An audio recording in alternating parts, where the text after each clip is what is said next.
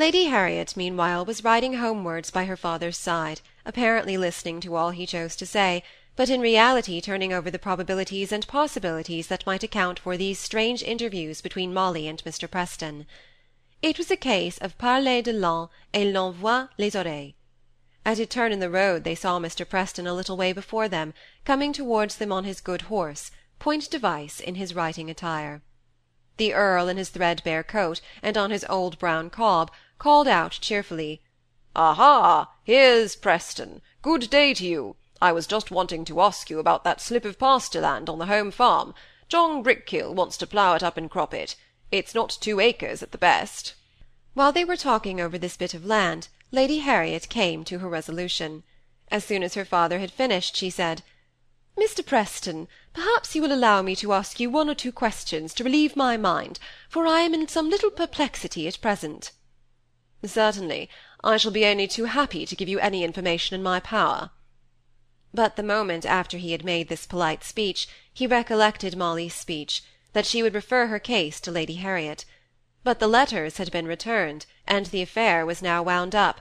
She had come off conqueror, he the vanquished. Surely she would never have been so ungenerous as to appeal after that.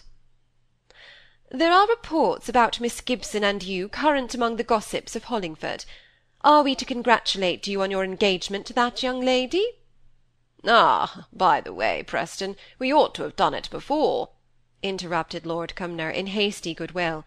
But his daughter said quietly, Mr. Preston has not yet told us if the reports are well founded, papa. She looked at him with the air of a person expecting an answer, and expecting a truthful answer. I am not so fortunate, replied he, trying to make his horse appear fidgety, without incurring observation. Then I may contradict that report? asked Lady Harriet quickly. Or is there any reason for believing that in time it may come true? I ask, because such reports, if unfounded, do harm to young ladies. Keep other sweethearts off, put in Lord Cumnor, looking a good deal pleased at his own discernment. Lady Harriet went on. And I take a great interest in Miss Gibson. Mr. Preston saw from her manner that he was in for it, as he expressed it to himself. The question was, how much or how little did she know? I have no expectation or hope of ever having a nearer interest in Miss Gibson than I have at present. I shall be glad if this straightforward answer relieves your ladyship from your perplexity. He could not help the touch of insolence that accompanied these last words. It was not in the words themselves, nor in the tone in which they were spoken, nor in the look which accompanied them. It was in all.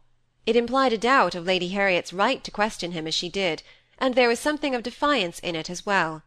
But this touch of insolence put Lady Harriet's mettle up, and she was not one to check herself in any course for the opinion of an inferior.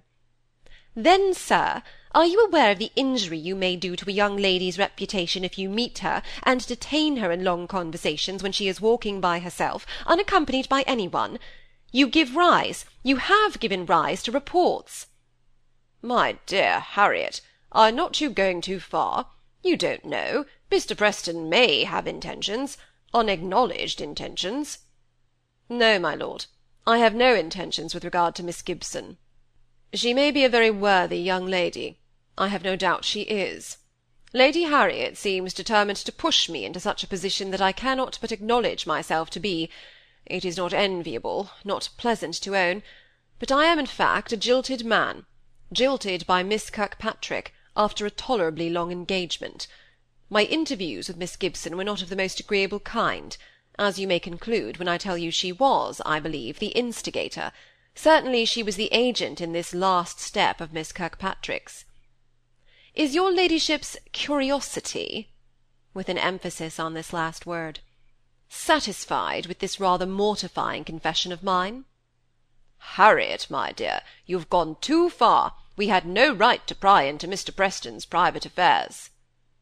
No more I had, with a smile of winning frankness, the first smile she had accorded to Mr. Preston for many a long day, ever since the time, years ago, when, presuming on his handsomeness, he had assumed a tone of gallant familiarity with Lady Harriet, and paid her personal compliments as he would have done to an equal.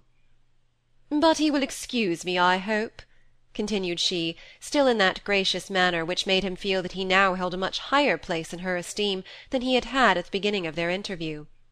When he learns that the busy tongues of the Hollingford ladies have been speaking of my friend Miss Gibson in the most unwarrantable manner, drawing unjustifiable inferences from the facts of that intercourse with Mr. Preston, the nature of which he has just conferred such a real obligation on me by explaining.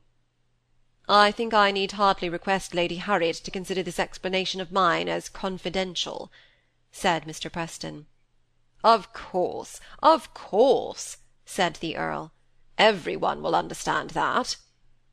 And he rode home, and told his wife and Lady Cuxhaven the whole conversation between Lady Harriet and Mr. Preston, in the strictest confidence, of course. Lady Harriet had to stand a good many strictures on manners and proper dignity for a few days after this. However, she consoled herself by calling on the Gibsons, and finding that Mrs. Gibson, who was still an invalid, was asleep at the time, she experienced no difficulty in carrying off the unconscious Molly for a walk, which Lady Harriet so contrived that they twice passed through all the length of the principal street of the town, loitered at Grinstead's for half an hour, and wound up by Lady Harriet's calling on the Miss Brownings, who, to her regret, were not at home. "Perhaps it's as well," said she, after a minute's consideration. I'll leave my card, and put your name down underneath it, Molly." Molly was a little puzzled by the manner in which she had been taken possession of, like an inanimate chattel, for all the afternoon, and exclaimed, "Please, Lady Harriet, I never leave cards. I have not got any; and on the Miss Brownings of all people, why I am in and out whenever I like." "Never mind, little one. To-day you shall do everything properly, and according to full etiquette. And now, tell Mrs. Gibson to come out to the Towers for a long day. We will send the carriage for her whenever she will let us know when she is strong enough to come. Indeed, she had better come for a few days. At this time of the year it doesn't do for an invalid to be out in the evenings, even in a carriage. So spoke Lady Harriet, standing on the white doorsteps at the Miss Brownings, and holding Molly's hand while she wished her good-bye. You'll tell her, dear, that I came partly to see her, but that finding her asleep, I ran off with you, and don't forget about her coming to stay with us for a change of air. Mamma will like it, I'm sure, and the carriage and all that.